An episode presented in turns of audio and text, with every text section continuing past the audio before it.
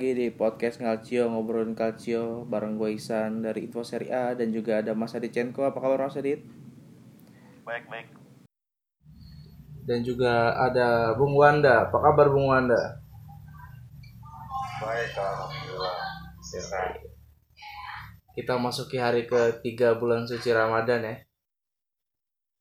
Ya. Dan dan juga ini kalau pakai kalender corona nih tanggal berapa ya? udah mau dua bulan. bulan. Ya itulah pokoknya kita udah masuki hari ke berapa nih lumayan banyak lah dari corona ini dan tanpa pertandingan sepak bola juga. Makanya mungkin untuk episode kali ini kita membahas hal-hal di luar pertandingan ya. Ya. Oke, Bung Wanda gimana? Siap? Oke, sepakat, sepakat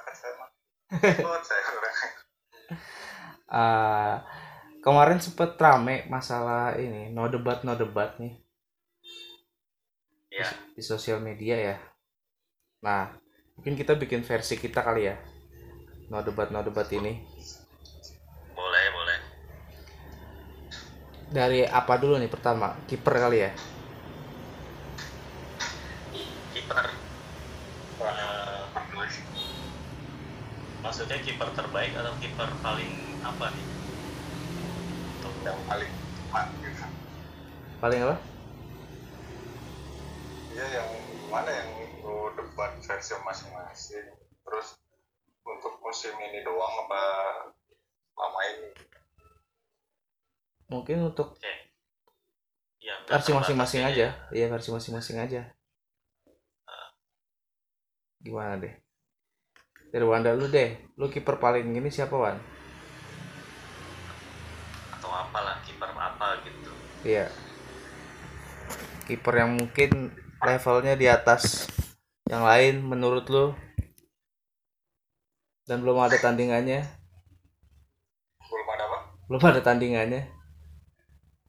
Atau mungkin kiper yang apa kiper yang underrated Bisa. atau gimana siapa aja atau misalnya bisa dipersempit juga bisa kiper paling underrated di Inter atau di Juve atau di Milan siapa gitu gitu Wah, bisa. bisa juga sih.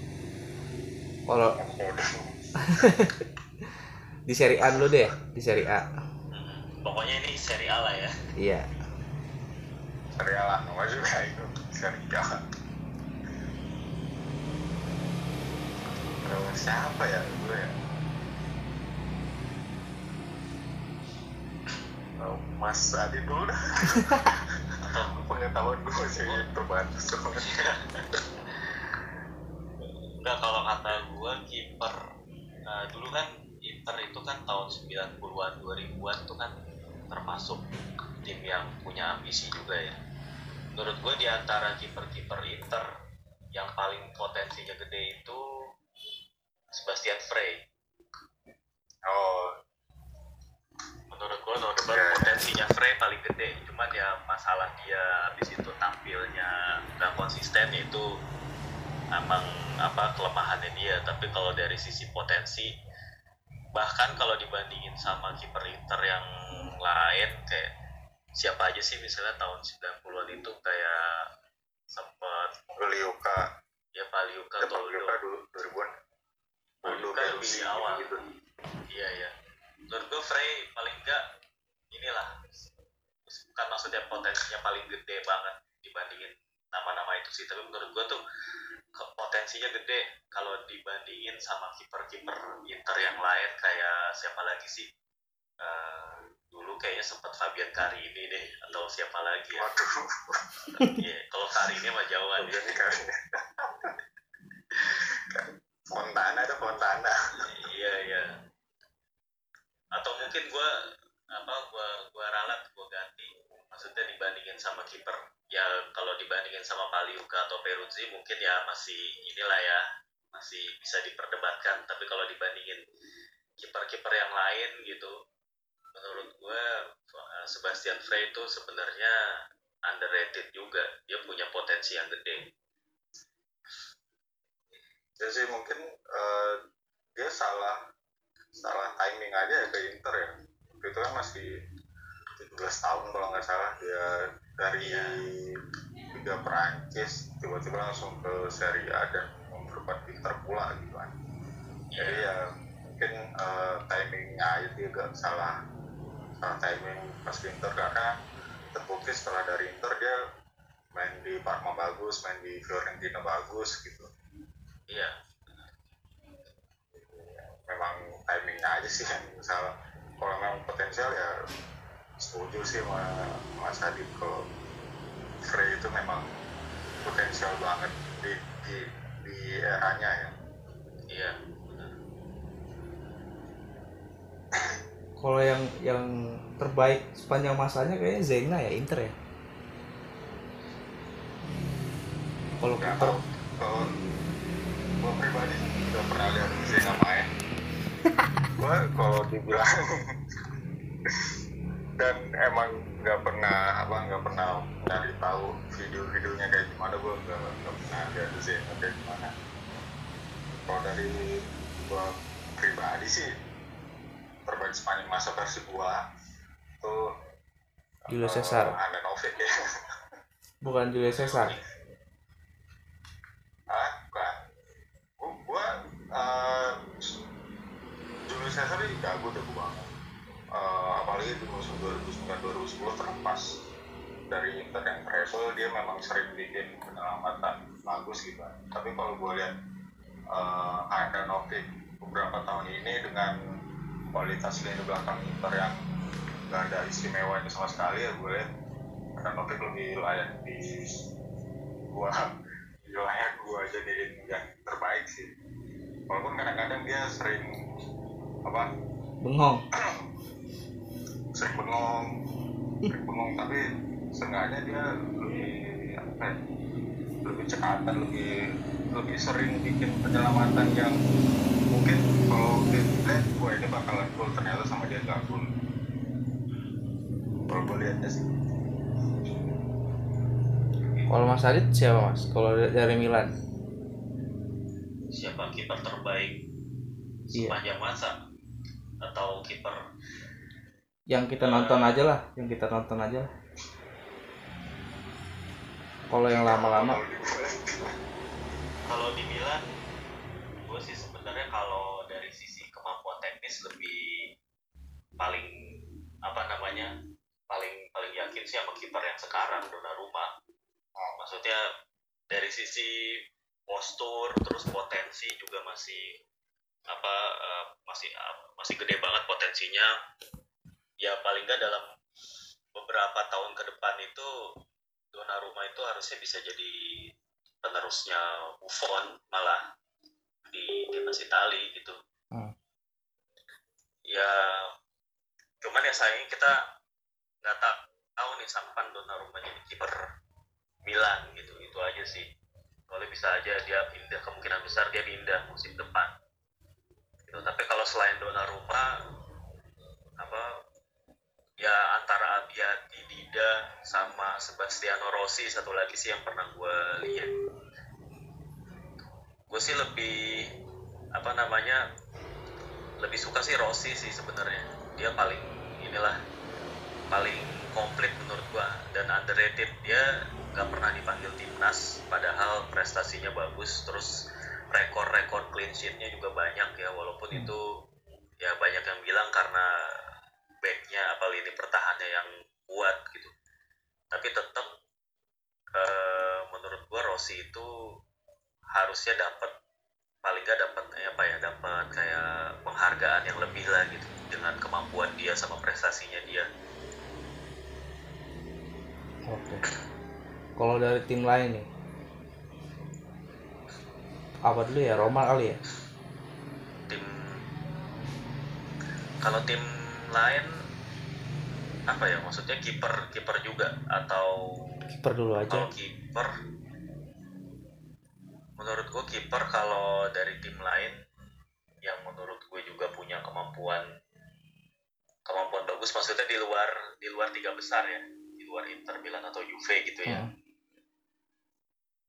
Dulu gue tuh suka kipernya Bari si Gillette Jean François Gillette itu itu bagus banget tuh kiper dulu. Refleksnya ya? Tapi eh, tapi paling sayangnya kayaknya dia cuma bagusnya semusim dua musim gitu habis itu udah tenggelam habis itu deh. Banyak sih paling mas. itu sih. Kiper kiper sebenarnya kayaknya dulu banyak ya. Nah di di era kalau kalau misalnya kiper nih kita bahas kiper nih kadang-kadang tuh kiper yang bagus kelihatannya karena kayak Wanda bilang tadi pas lagi zone pemain bertahannya tuh lagi kurang bagus lah di komposisi timnya. Kalau Sebastian Rossi kan kita tahu ya maksudnya dia di era dia termasuk Abiati dan Dida menurut gue sih dia di era Milan yang baris pertahanannya lumayan kuat gitu. Beda banget sama Donnarumma lah. Donnarumma apa gitu backnya paleta Mike Says yang paling Mike Says kali paling sekarang. paling mahal. Iya. Di era-era kayak gini maksudnya di era backnya cuman standar dia muncul gitu. Dan menjadi pembeda kelihatan menonjol dengan usia muda ya karena mungkin kalau kiper memang bakalan kelihatan lebih jago ketika baris pertahanannya lagi buruk ya. Iya. Kebanyakan sih kayak gitu Terus ya. itu memang itu memang tempat apa ya apa eh, salah satu cara kiper membuktikan diri kan ya pas lini pertahanan benar-benar hancur gitu hmm. karena dulu uh, Alisson di AS Roma juga gitu kan uh, backnya kalau gue lihat sih nggak terlalu spesial banget cuman siapa tuh yang Argentina tuh AS Roma gue lupa Lazio. nah Fazio yang yang nggak bisa lari itu. Dan Juan Jesus Tuhan Yesus apa lagi dan ya akhirnya kan uh, terbukti dengan apa dengan Alisson yang uh, sebelumnya bang. Sebelumnya dia kalah sama Sesni terus Sesni kita ke Juventus. Dia rebut posisi utama di Roma langsung ini langsung mantep gitu permainannya. Dan akhirnya sampai di sama Liverpool di Liverpool juga uh, ya akhirnya tetap konsisten karena udah udah ditempa lah sama kualitas lini belakang Roma yang yang uh, kurang. Nah itu juga terjadi di Juve sebenarnya. Maksudnya Juve kan sempat ngalamin lini pertahanannya ini ya. Drop drop lah kualitasnya dari yang tadinya Cannavaro Turam terus ganti-ganti terus ke degradasi ya. Cuman ngandelin pemain-pemain yang loyal doang dan di situ tuh Buffon justru kelihatan banget tuh. Kualitasnya tuh bener-bener seorang Buffon gitu. Yang yang emang layak jadi salah satu kiper terbaik di dunia gitu. Kalau menurut gue sih kelihatannya di situ karena Buffon sendiri ngalamin Juventus dari masa backnya bagus-bagus terus ya turun degradasi terus sampai dia sekarang gitu ya masih ada masih ada dia tuh udah ngalamin berapa fase back Juve dan kualitasnya tetap terjaga gitu. Ya ya mungkin kalau di kalau di Juventus dia masih masih yang terbaik lah meskipun dulu sempat ada Peruzzi ya. Iya. Meskipun secara kalau personal sih gue lebih suka Peruzzi karena gue lebih suka kiper-kiper kecil. Yang gempal gitu ya. Iya Tambun deh ya. Iya. Oke deh itu. Kalau Roma mungkin Alisson kali ya, sepanjang sejarah Alisson lah siapa lagi? Masa lupa Kelly waktu juara siapa sih? Kiper kipernya Roma waktu Roma Scudetto. 2000 Noli kayaknya. Antonioli. Antonioli ya Noli ya nggak salah ya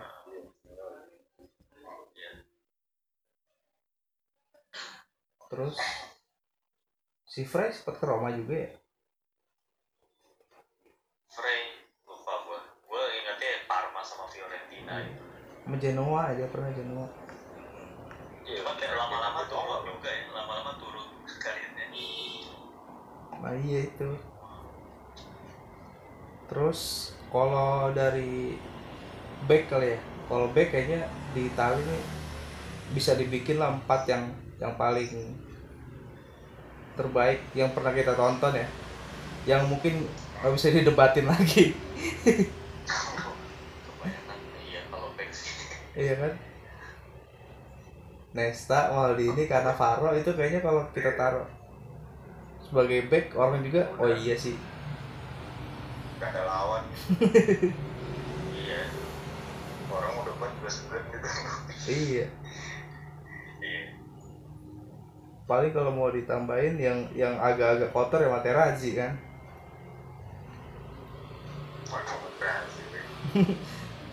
Tapi emang di era di era Itali sempat ngalamin itu sih. Maksudnya back pertahanannya tuh udah saingannya di dunia tuh jauh gitu. Sebelum eranya Puyol lah kalau di Spanyol ya. Iya. Kayaknya Ita Itali masih punya back yang bagus. Siapa ya di luar di luar Italia? Ya maksudnya back nah Di- apa paling Inggris Rio Ferdinand paling. Kalau yang mendekati level itu ya? Saya itu. Oleh. Nah. Iya paling Vidi itu doang guys ya mau ini iya kan? Paling paling Puyol ya yang paling mendekati level mereka ya menurut gue sih. Oh iya kalau di luar Italia ya paling. Iya kan kalau kalau di Prancis kayak gitu kayaknya susah. Kurang paling. Itu pun adanya di Serie A. Foreign blank. Belang sama Desailly dulu ya duetnya ya? Ah iya benar deh sekali si Desailly tuh sampai tahun berapa sih di Prancis iya 98 masih. 2000 juga kayaknya masih deh. 2000 2000 2002 juga masih. Kan oh, 2002 ya terakhir. Udah katro tuh 2002 tuh ya kan? Yang kalah lawan udah. Senegal. udah kalah sama Senegal itu. Iya. Habis itu udah ya? Paling back ada tuh satu back yang apa namanya yang dianggap ini banget berbakat banget itu calon back masa depan tuh si Saliola Sisi dulu tuh tahun 90-an tuh.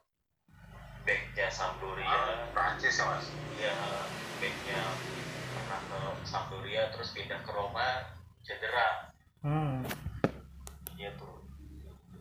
Habis itu udah ya redup ya? Heeh.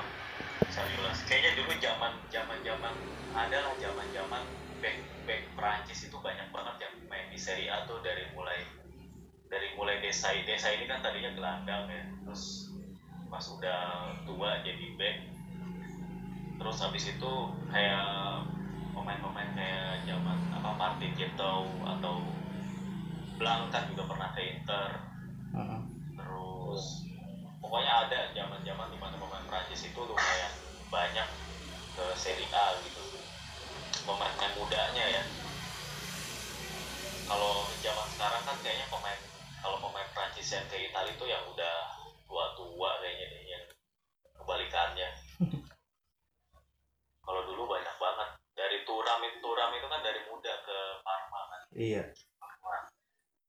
Terus kalau di Inter itu selain back ya pemain itu kan uh, kayaknya pernah ada zamannya pemain Prancis banyak banget di Inter tuh dari siapa? Benoit KW terus si Dalman. Iya. Iya Jorkaeff Eranya Jorkaeff ya yang paling bagus sih Jorkaeff emang. Lamoci Sabri Lamoci iya iya Sabri Lamucci iya. Itu banyak banget tuh pemain Prancis yang ke Italia tuh waktu itu. Iya. Dan yang paling banyak kayaknya kalau dulu tuh Ju- Juve ya Italia Prancis. Komposisi skuadnya Zidane sama Deschamps ya? Zidane Deschamps. Deschamps terus? Ya setelah itu kan ada Turan Trezeguet. Iya Trezeguet Pokoknya- Henry juga sempet. Oh iya Henry. Yang dijadiin winger. Mancelotti Anelka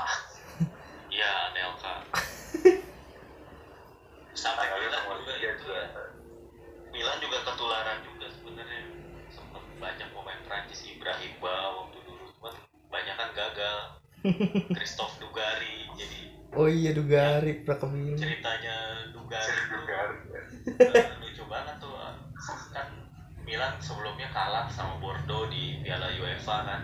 Eh, kalah kalah 3-0 gitu. Dugari bikin dua gol untuk Milan. Dia langsung eh, apa namanya, berdiri sementara di satu sisi ada scoutnya Juve. Dia ngelihatnya Zidane akhirnya Hmm. dia beli Oh. Milan beli Dugari Juve beli Zidane. Nah itu bedanya. Oh itu uh, Zidane sama juga oh seperti Bordeaux ya waktu itu ya? Iya itu sama-sama tuh. Cuman adanya Milan belinya Dugari bukannya Zidane.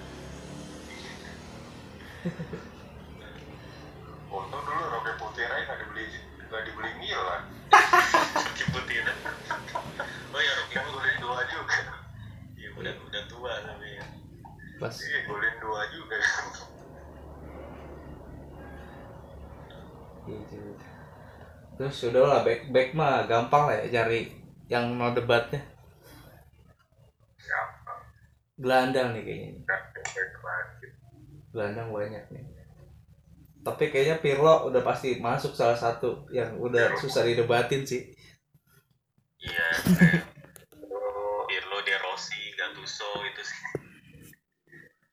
Daerah diambil di satu era doang ya satu era udah cukup ya Iya, iya sih kalau kalau era sebelumnya paling kebanyakan yang bersinar gelandang sayap masa kayak Donadoni gitu ya.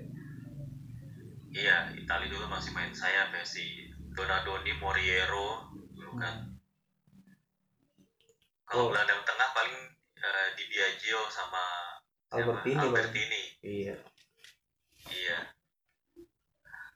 kebanyakan emang kayaknya dulu gelandang dari luar deh di Serie A ya. Oh iya zaman zamannya itu kayak Davids kan. Mm.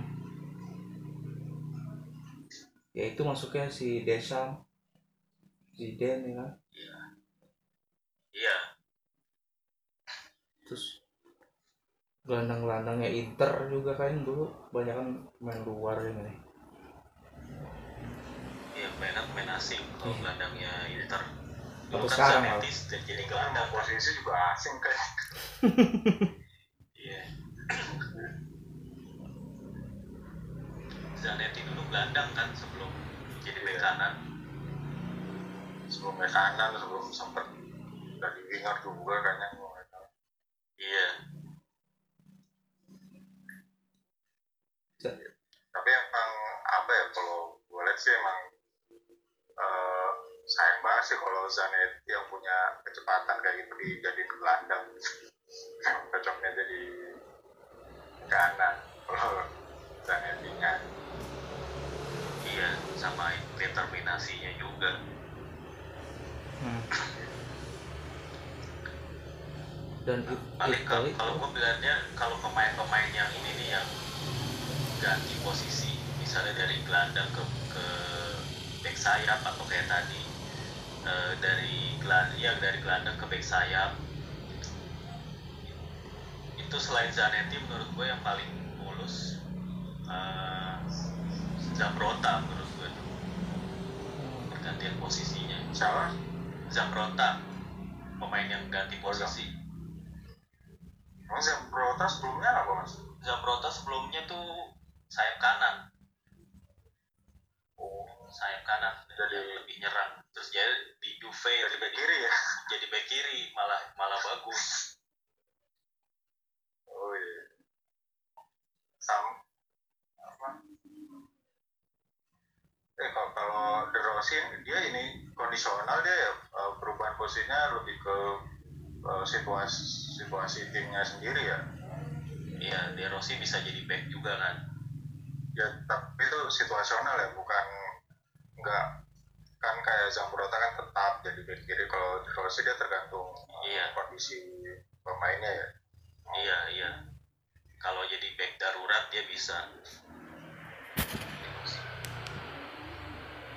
Dia kayak si ini lah Javi Martinez. Iya mirip-mirip. Martinez siapa? Hafi Hafi Martinez tuh oh Javi Martinez. Ah, iya gelandang yang bisa bisa jadi apa aja tapi yang paling mantap sih pilih Lam oh iya. Dia bisa main di mana aja. Dan dan Philip Lam itu sekarang eh, apa? Maksudnya kebia kebiasaan dia dan kemampuan dia untuk bermain di banyak posisi diterusin sama si Joshua Kimmich gitu. Dia Hmm. awal si kalau gue lihat ya, ya boleh lah ya kita agak bergeser ke Jerman dikit gue lihat eh, Joshua Kimmich yang awalnya beneran pure back kanan kayak Philip Lam sekarang dia jadi back tengah bisa dia jadi gelandang eh, ya oke lah gelandang pertahanan tapi kan tetap eh, posisinya beda tanggung jawabnya beda dan itu sama bagusnya gitu. Iya. Iya.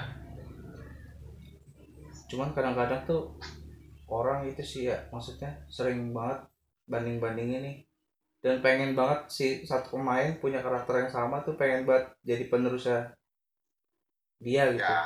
Ya kan? Kadang kadang suka dipaksain juga sih. Ya dan udah banyak korban yang kayak gitu Hmm. ujung gagal gitu. Iya. Ya gelandang-gelandang Itali tuh setelah Pirlo kebanyakan kan kayak gitu. Ya Montolivo lah Aquilani lah ya sama sekarang si Verratti sama siapa namanya sama Tonali Iya. Dipatokin standar yang tinggi, terus dipaksa main kayak gitu, padahal gayanya enggak enggak kayak gitu. Karena kalau misalnya kayak siapa? Si Montolivo gitu ya. Montolivo sebenarnya di belakang striker lebih bagus ya daripada defensive midfield- midfielder. Kalau menurut gue sih, iya dulu iya kan? di pas di Fiorentina ya Iya maksudnya jadi pemain nomor 10 aja udah. Pas udah jadi jangkar kelihatan blow-nya kan. iya nggak bisa defense Iya maksudnya tuh kayak gitu tuh. Di Itali banyak korbannya lah. tapi mungkin itu memang udah hukum untuk seorang pemain kali ya ketika dia muncul dengan apa dengan kemampuan dia yang bagus banget jadi lah disandingkan gitu apalagi kalau misalkan sekarang kita lihat Tonali dia nggak cuma dari kemampuan tapi dari Muka. uh, looknya dari Hmm. mukanya juga kan udah Pirlo banget apalagi sekarang dia mainnya di ya mainnya juga di Brescia yang memang Pirlo juga dari sana gitu kan. itu pasti Terus setelah ini nih siapa nih? Maksudnya striker ya? Striker. pemain nomor ini paling kalau nggak pemain nomor 10 atau gelandang serang oh iya nomor 10 udah gua toti lah gitu bro oh depan ya? Berarti apa? Totti Del Piero Totti Totti iya dong Totti Del semua Piero depan ya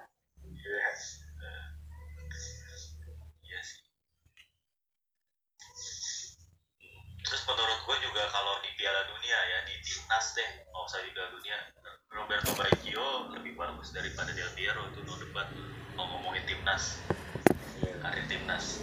Iya. Sebenarnya kenapa Del Piero tuh kayaknya kurang itu di timnas gitu cuman pas ya di Piala Dunia 2006 ya dia nggak menonjol bagus tapi nggak menonjol gitu. Iya dia tuh seringnya kayak gitu sih, Kolektif Mas. tapi giliran pas dia lagi diharapin dia malah nggak bagus gitu.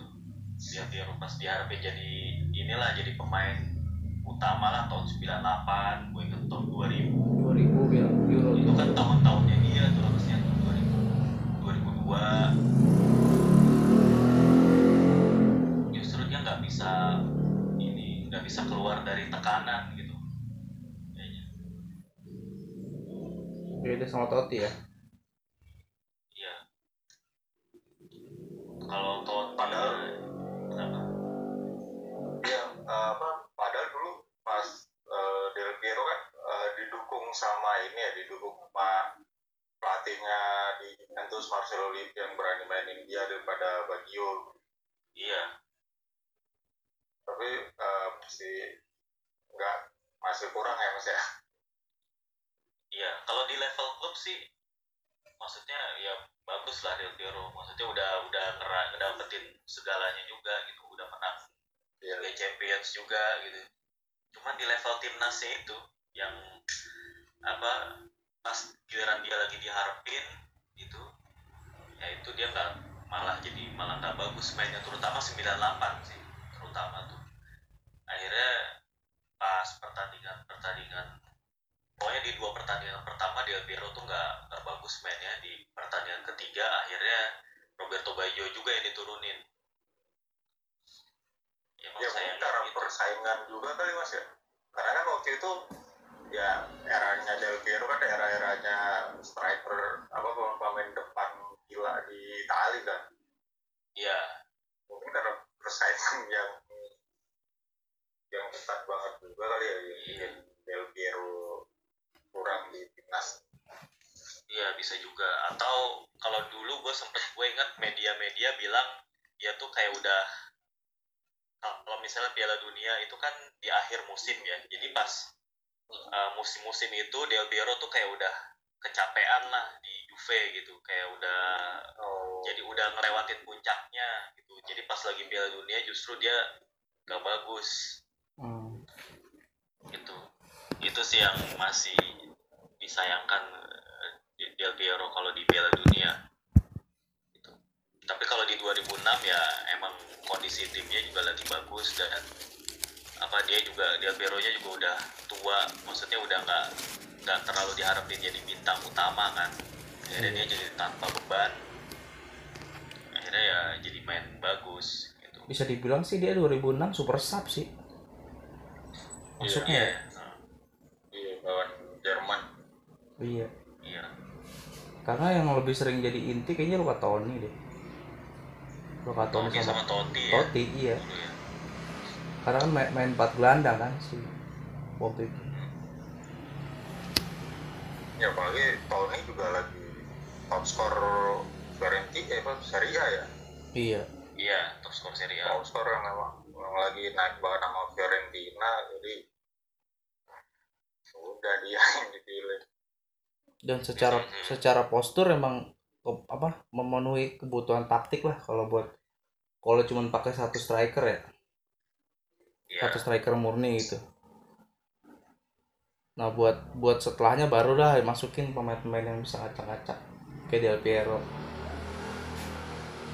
Iya. Kayak sih strateginya emang kayak gitu sih 2006. Berarti buat pemain nomor 10 Totti ya? Iya, Totti Totti. Iya, Totti. Kalau striker sekarang. Gue sih buat tiga lama Ronaldo gendut udah. Udah gendut. Iya. Iya kan? Itu kayaknya Dua itu itu kayaknya barisan pertahanan lawan sama mereka tuh ketakutan ya. Hmm. maksudnya udah punya tekanan sendiri gitu buat ngawasin mereka berdua Iya, kalau kalau pas lagi puncak-puncaknya tuh lagi prime-nya tuh susah banget dijagain. iya kan udah gitu dari sudut mana aja bisa tuh dia ngesut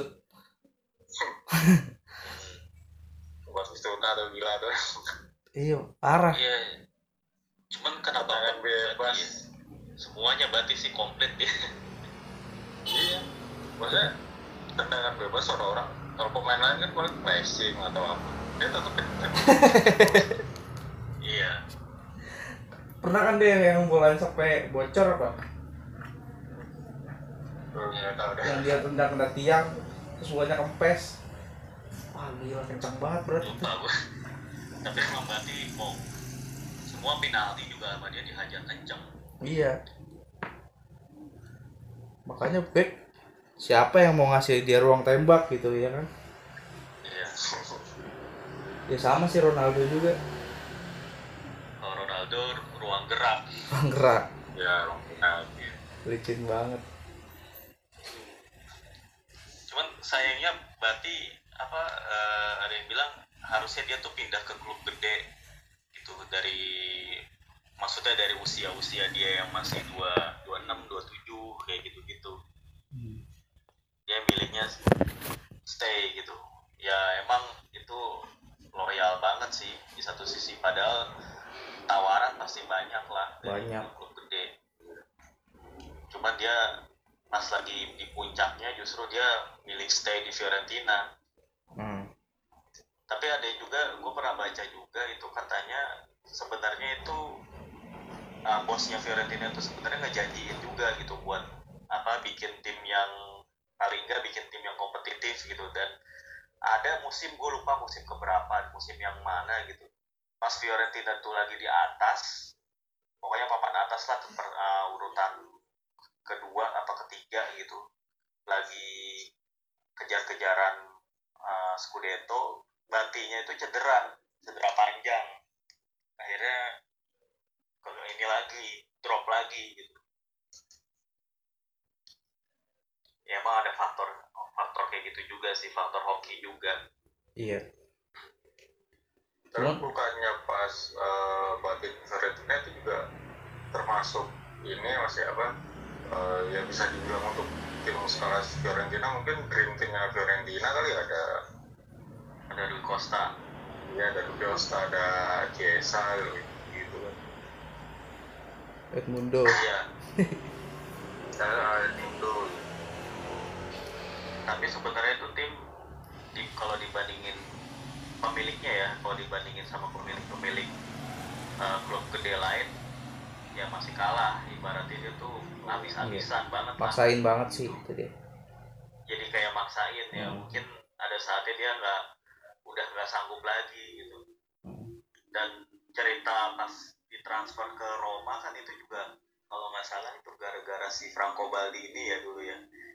Yang udah yang udah bilang kalau apa namanya udah ngumumin ke media kalau nggak salah. Kalau Iya.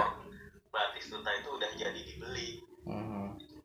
jadi akhirnya dia Oh, yang yang dia apa akhirnya dia ngomong ke presidennya Franco Sensi bilang wah ini kalau kita nggak jadi beli nih kita bisa kehilangan muka nih ngomong gitu. Media udah bilang Bati udah dibeli sama Roma gitu. Padahal padahal harga belum pas gitu waktu itu iya belum. Pokoknya si presiden Romanya nggak mau sebenarnya. Kemahalan dianggapnya gitu. Wah Iya, cuman karena udah diumumin ke media sama si Capello-nya kan juga emang waktu itu kan ambisi banget. Dia bilang kalau emang mau juara ini harus dibeli yang kayak Batistuta nih gitu. Ya bener sih. benar ya iya beneran juara kalau emang kalau pemain kayak Batistuta ya apalagi dia kan dari dari Fiorentina degradasi pun dia ada masih dulu ya. Ada, eh, pas habis Copa yang juara Copa Amerika kan dia udah di Fiorentina tuh. Iya. Batistuta sih dari muda dia di Fiorentina tuh. iya. Dan maksudnya emang dia tuh pemain pemain yang bener-bener bikin perbedaan kan berarti dari zaman dulu Iya, dari Fiorentina masih kayak klub papan tengah lah. Iya. Ya sama halnya kayak Ronaldo lah. Ronaldo tuh bener-bener bikin Inter beda sih waktu itu. Iya, jadi ngeri banget sih emang. Iya.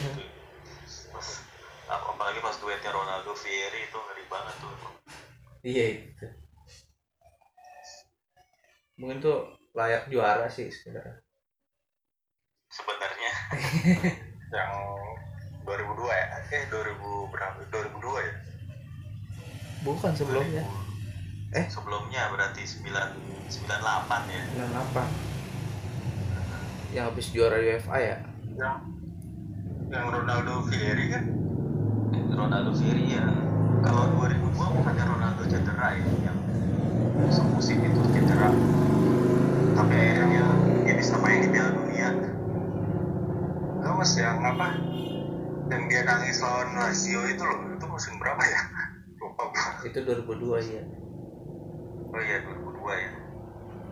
Ya 2002 itu yang dia apa dia nangis karena kan memang cuman butuh imbang Karena itu udah mau di dibeli dia sama Madrid. kalah dua. Karena Iya, itu iya. musim terakhir ya, Wan. iya iya benar. Abis itu kan dia ke Madrid kan iya iya benar abis Piala Dunia abis jadi top skor Piala Dunia kan iya Iya. eh, terus malah abis dari Madrid sempat ke Milan itu aneh sih ke Milan terus golin ke gawang Inter lagi ya. Dari iya golin dan selebrasi ya selebrasi.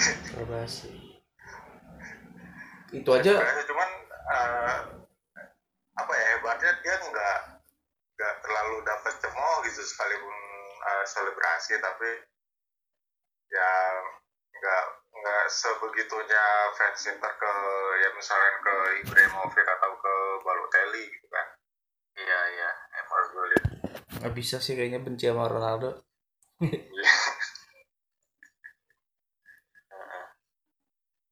Sama berarti gol aja yang pas golin ke gawang Fiorentina dia malah nangis kan waktu di, iya. waktu di Roma. Ya wah gila itu keren banget sih golnya sebenernya. Yang di dari luar. Abis itu dia gak selebrasi malah nangis.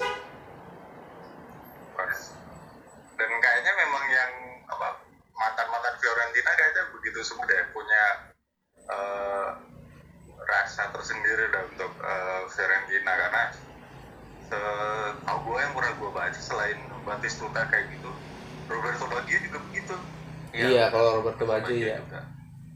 Baggio bahkan sempat ngambil eh, shell Fiorentina gitu pas dia Iya. ditarik keluar waktu uh, Juve apa dia, dia kan dia pindah ke Juventus Hmm. terus Juve main di tandang ke timnya Perancis dan ya sepanjang pertandingan memang si apa eh, fans Fiorentina memang nggak ada yang cuma Baggio dan dan itu dibalas sama Baggio waktu dia ditarik keluar ada fans yang lempar scarf eh, Fiorentina diambil sama dia Iya, benar. Itu juga sebabnya kenapa fans Juve kayaknya nggak pernah benar-benar nerima Iya, Baggio Iya, juga. iya Iya. Iya. gara-gara itu juga kayaknya Baggio tuh ke Bolonya harus dari mana ya Dari Milan. dari Milan ya itu kan free transfer ya Iya. transfer gila Baggio free transfer itu. Baggio tuh nggak pernah nggak pernah cocok main di klub gede. Soalnya apa namanya eh, dia itu maunya jadi pemain kunci lah gitu. Iya. Jadi tim tim itu main buat dia gitu. Dia. tim tim tim gede nggak bisa emang di Milan juga dia dia makanya Iya cocok kan sama pelatih kayak Iya. Li- Lippi, Capello itu nggak pernah cocok sama dia Iya juga sih memang terbukti nggak begitu sukses ya mau di Juve, Milan, di Inter juga nggak begitu sukses. iya Iya juga ya benar-benar. tapi giliran dia main di Bolonya sama di Brescia dia baru dia tuh sukses. Tapi di Inter lumayan ah dia di Inter menurut gua Baggio lebih lumayan di Inter daripada di Milan. Iya kalau dibanding di Milan Dibanding Milan ya. tapi emang dia masuk mudanya dari Fiorentina sih ya. Iya pas Fiorentina dia ma- mulai bersinarnya dan kayaknya dia pun kalau nggak salah dia pindah gara-gara buat nyelamatin finansial Fiorentina saat itu mas ah Iya benar. nyelamatin juga Betul. iya Karena dia kan memang eh, nggak mau pindah apalagi kan sebelumnya dia juga sempat cedera panjang nih. Cedera panjang dan eh, kalau nggak salah gua gua baca sih memang dia punya niat untuk ya kata kasarnya balas budi Fiorentina lah yang udah ngerawat dia cedera sepanjang itu gitu kan yang hampir habisin waktu berapa bulan ya. Pokoknya lebih Iya. dari setengah musim lah dia absen gitu kan. Dan waktu itu Fiorentina waktu dia dia absen panjang juga hampir eh, degradasi gitu. Untungnya pas dia udah sembuh udah Fiorentinanya bebas. Nggak apa nggak jadi degradasi.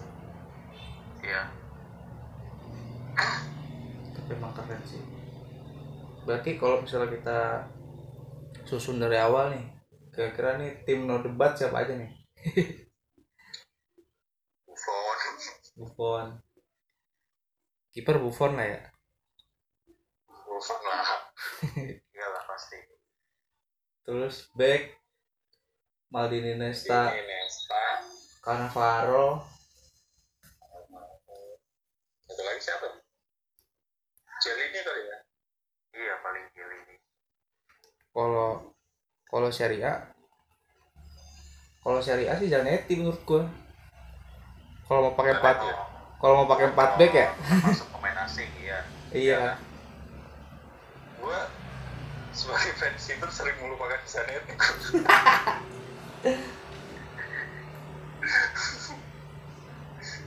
itu padahal orang loyal gila. Iya kalau mau pakai empat back ya Zanetti Cannavaro Nesta Maldini. Iya pasti itulah susah susah buat digeser. Tuh nah gelandangnya tadi Pirlo Drossi ya? Rossi. Udah Costa lah masukin satu. Asik. Gue baru ingat Rui Costa. Rui Costa tuh oh iya. Bisa. Nomor 10 iyalah bisa lah dia Rui Costa Rui Costa tuh 10 ya mas? Iya ah. walah. Jadi geser geser lu totnya per Costa nih? Oh tidak enggak gue kirain uh, Rui Costa uh, gelandang tengah gitu Taunya 10 kalau gelandang tengah sih? 10 menurut gue selain selain apa? Pirlo Drossi yang bener-bener jadi motor tim ya Nedved sih. Iya Nedved Nedved tuh tapi bisa kebanyakan main di Ah, saya. Iya. Headset gitu jadi siapa aja nih? Pirlo. Udah netfet udah. Terus Rossi netfet udah. Udah. Iya, sama Totti udah Totti ya nomor 10 nya Oke. strikernya Batigol sama Ronaldo Diego Ronaldo. Ronaldo gendut. Ronaldo gendut. Ronaldo ori. Yoi. Pelatih siapa nih pelatih? Pelatih. Pelatih siapa? Pelatih itu antara Capello sama Lipis. Nah iya maksudnya. Antara dua nama itu mas. Iya. Kalau Kalau kalau eh, dari Mas Adit sendiri lihat dua pelatih ini gimana mas? Apa ya kelebihannya lah. Misalkan si Lipi nggak punya ini, Capello nggak punya ini, tapi Lipi punya, Capello nggak punya. Gitu. Kalau Mas Adit lihatnya ya kalau sebenarnya sih ini dua pelatih karakternya sama ya sama-sama keras disiplin gitu kan. Dan dia juga apa namanya gak gak peduli. Ah, maksudnya kalau dia artinya kalau udah pemain ngelawan dia gitu dia nggak peduli walaupun itu pemain bintang juga dia singkirin gitu. Kayak Lipi Lipi ke Roberto Baggio ke kalau Capello tuh ke Savicevic waktu di Milan. Nah, sama gitu. Cuman emang eh, bedanya eh, beda ininya kalau gue bilang beda di presidennya. Kalau di kalau Lippi tuh gue bilang dia lebih dikasih kebebasan sama eh, keluarganya Agnelli waktu itu kan. Nggak Pokoknya- pokoknya manajemen Juve relatif nggak begitu banyak ikut campur lah urusan teknis tim gitu. Dapur tim udah di- diatur sama orang yang emang apa namanya kompeten aja. Beda sama di Milan nih Capello ini eh, kerja di Milan tuh benar-benar di bawah pressure-nya Berlusconi banget gitu. Dia eh, waktu itu dia marah waktu si Capello cadangin si Savicevic pas di final Champions 95 itu sempat tadinya Savicevic itu mau dijual cuman sama Berlusconi nggak dikasih nggak boleh pokoknya. Pokoknya Berlusconi maunya timnya itu yang begitu deh yang isinya pemain-pemain jenius gitu gelandang-gelandang yang bagus striker-striker bagus nah tapi ya apa namanya bagusnya juga justru sisi ofensifnya Capello kelihatan pas zamannya Berlusconi dia bisa gitu maksimalin apa Van Basten penyerang-penyerang kayak Wea penyerang-penyerang kelas yang di bawahnya Capello tuh jadi pemain-pemain terbaik gitu dia bisa. Makanya sebenarnya kalau gue bilang kedua pelatih ini ya punya punya kesamaan juga dan bisa sama-sama bisa mencetak bintang juga gitu gue agak kalau disuruh nentuin mana yang terbaik agak susah karena kalau dari gelar Susah. liga Capello juga Bingung, banyak udah gitu Capello kan udah di mana-mana juga sempat ke Madrid Iya, benar. gitu. sementara Lippi juga Lippi udah juara dunia terus di Asia juga pernah Champions Asia juga sama lah levelnya. Gue bilang di antara dua pelatih ini. Terus? Jadi pelatih nggak ada nih. pelatih. Apa harus? Pak siapa ya? Ya itu sih dua itu sih kayaknya. Nggak tahu nih nanti. Ke ke depannya bakalan ada pelatih pelatih yang bisa capai level mereka kan kita nggak tahu ya kalau menurut gue ya Mancini tuh punya potensi sih punya potensi jadi siapa? Mancini Oh mandi. iya kan cuma mungkin kurang gelar Liga Champions saja kali sama gelar di timnas nih nanti Iya, iya. karena dia dari dari masih di Lazio In- Inter sih yang mulai kelihatan kerennya. Sampai udah di Inggris terus sekarang dagang timnas tuh kayaknya. Ini ini dia bisa jadi salah satu di antara nama-nama tadi kayaknya. Iya. Nggak tahu kalau Allegri mungkin nyoba liga lain mungkin bisa kali. Allegri. Coba deh. Bisa ada ini jadi pelatih Newcastle United yang mau kaya. Newcastle. ini Newcastle udah udah pasti belum sih Apa? udah pasti ya di Arab Tadinya udah mau pasti, tapi gara-gara banyak yang protes dari Bein Sport protes, dari eh, Amnesty International protes, nggak tahu udah jadi gimana. Oh, karena momennya nggak pas kali ya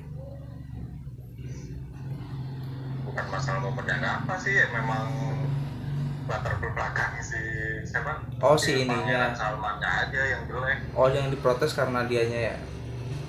Iya kan ya si Pangeran Salman. Apalagi kalau Bein kan punya Qatar Qatar kan selek mulu kan sama Arab Saudi. Iya. Iya saingannya. Saya Oh, gitu. Tapi gue sih iya sih seneng sih gue kalau Newcastle bangkit lagi. iya kok Kayaknya iya iya kayaknya anak 90-an tuh lebih lebih suka Newcastle gitu daripada apa klub-klub yang kayak City gitu. Soalnya kayaknya Tun Army banyak juga ya Mas ya.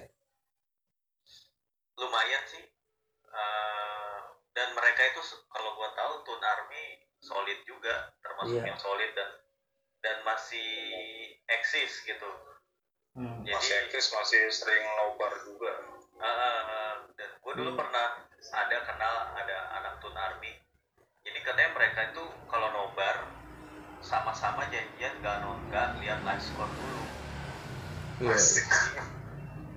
kan dulu masih agak susah tuh mesti Iya. streaming mesti streaming nobar itu jadi mereka tuh benar-benar nunggu pada kumpul walaupun jadi walaupun tuh pertandingan udah lewat mereka nggak nggak lihat itu dulu nggak lihat live score nggak gue belum tahu lah belum tahu hasil pertandingannya Keren. keren juga gitu iya Iya dia Dan sama masih West Ham tuh. masih main futsal ya Masih. kalau nggak salah Iya kalau di maksudnya yang di Inggris fanbase-nya kalau di Italia kan banyak ya kayak Parma, Fiorentina itu kan udah masuk termasuk loyal ya Lazio. Kalau di Inggris yang mungkin dalam tanda kutip emang nggak nggak ada glory hunter mungkin itu kali si Newcastle sama West Ham kali kayak sama West Ham iya kan Iya. yang dari dulu udah banyak yang Iya dan yang masih sering gue lihat di Twitter ya, ya itu Indo Tenarnya sama Hammers Indonesia.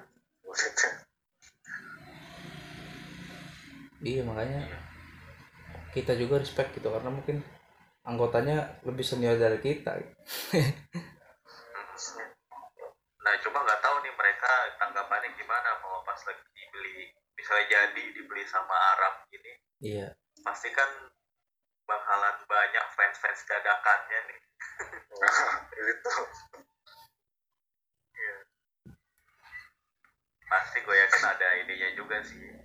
Ah, ada pergolakan juga sih di internal apa supporter kelompok supporternya juga. Pasti banyak lah bikin kelompok-kelompok supporter baru. Bisa jadi.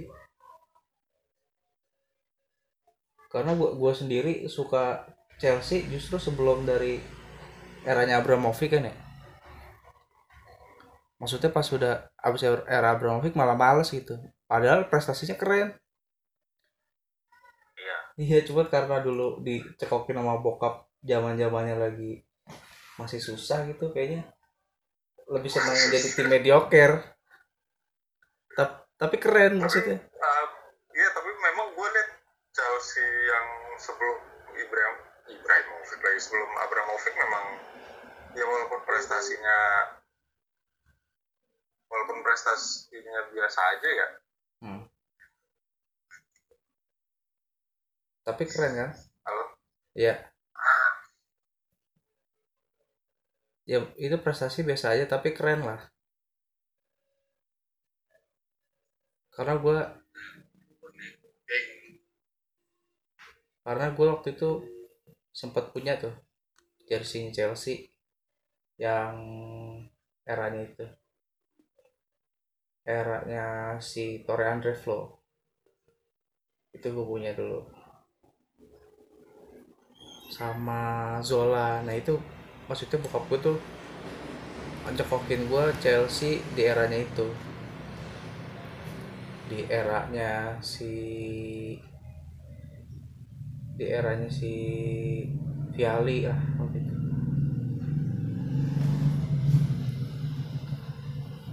Halo Mas Adit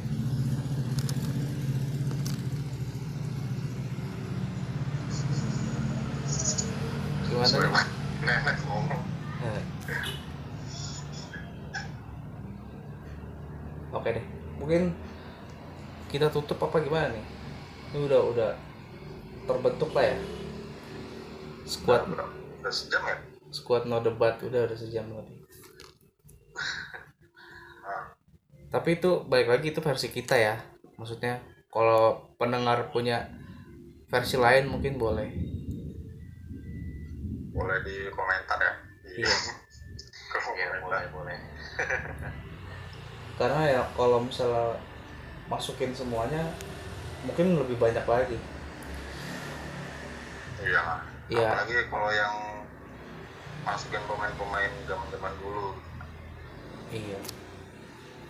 Kalau kalau dari yang era sekarang lah, kira-kira yang layak masuk siapa aja? nih? Yang era sekarang tuh dari tahun 2000 berapa 10 atau 10 boleh.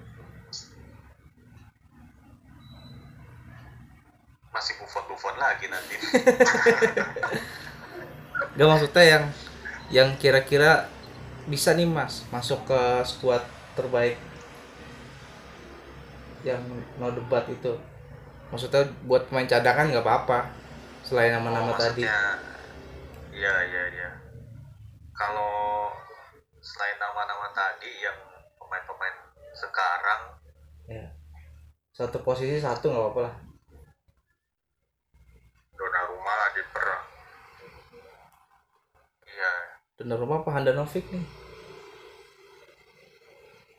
Donnarumma nah, kasih kesempatan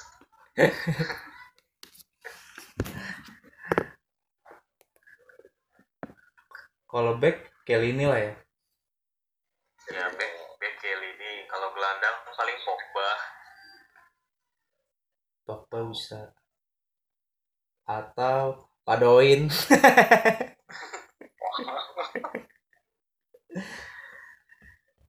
Klasik sekali tuh belas klasik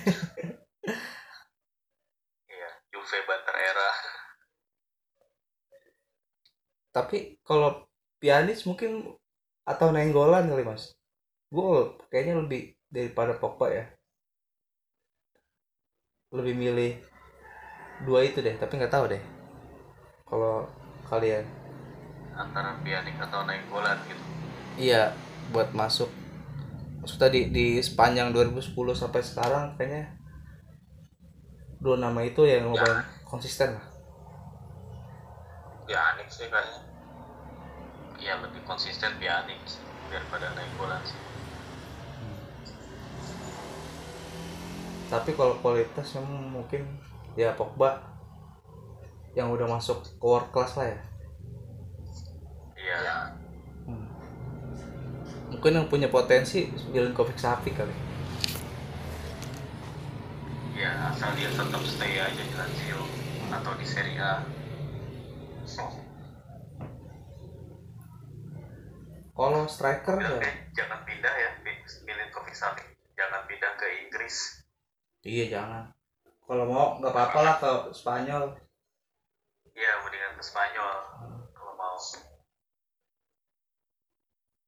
Kalaupun ke Inggris Newcastle nggak apa-apa.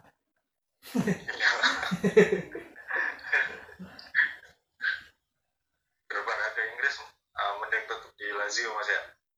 Iya iya tetap di Lazio aja. Kalau pemain depan siapa nih?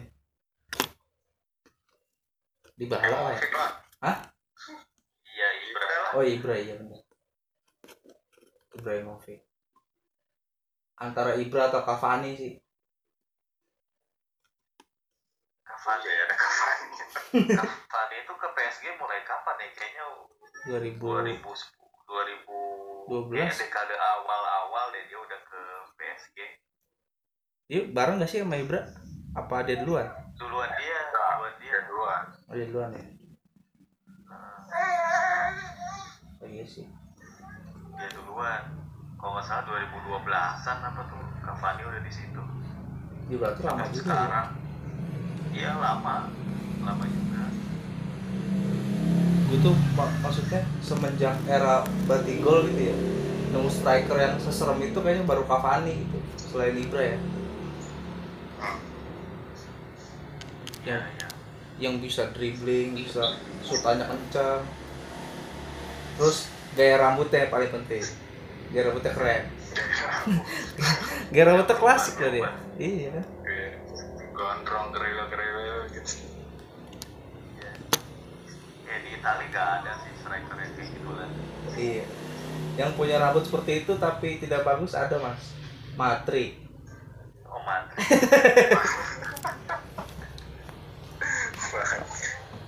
Madrid sih menang ganteng aja dia Oke deh. Kayaknya itu kali ya. iya iya sip sip ya Ya mungkin teman-teman yang lain mau bikin squad no debat, bikin versinya sendiri nggak apa-apa. Tapi itu tadi versi kita bertiga. Karena sebenarnya di, di kepala banyak juga nama-nama pemain lain.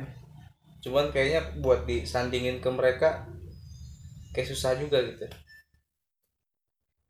ya benar Oke ada tambahan Mas Adit yang mau disampaikan? Eh, udah sih cukup selamat berpuasa aja buat teman-teman Oke. Bung Wanda gimana? cukup cukup Wanda masih dari rumah dong berarti? enggak dong Oh enggak, tetap ke Ganeca. enggak tetap sebenarnya sih eh, emang guanya aja sih yang main Oh, oh dibuka tetap cuman eh, eh, memang dianjurin dari rumah tapi emang guanya yang pengen. Oke oke. Oke. salam buat Mas Irawan ya. Siap mas. Makasih banyak nih waktunya nih. Oke. Buat sama-sama mas. Ya. San udah dikasih kesempatan lagi nih. Wih, santai. mungkin nanti kalau abis corona kita main lah situ.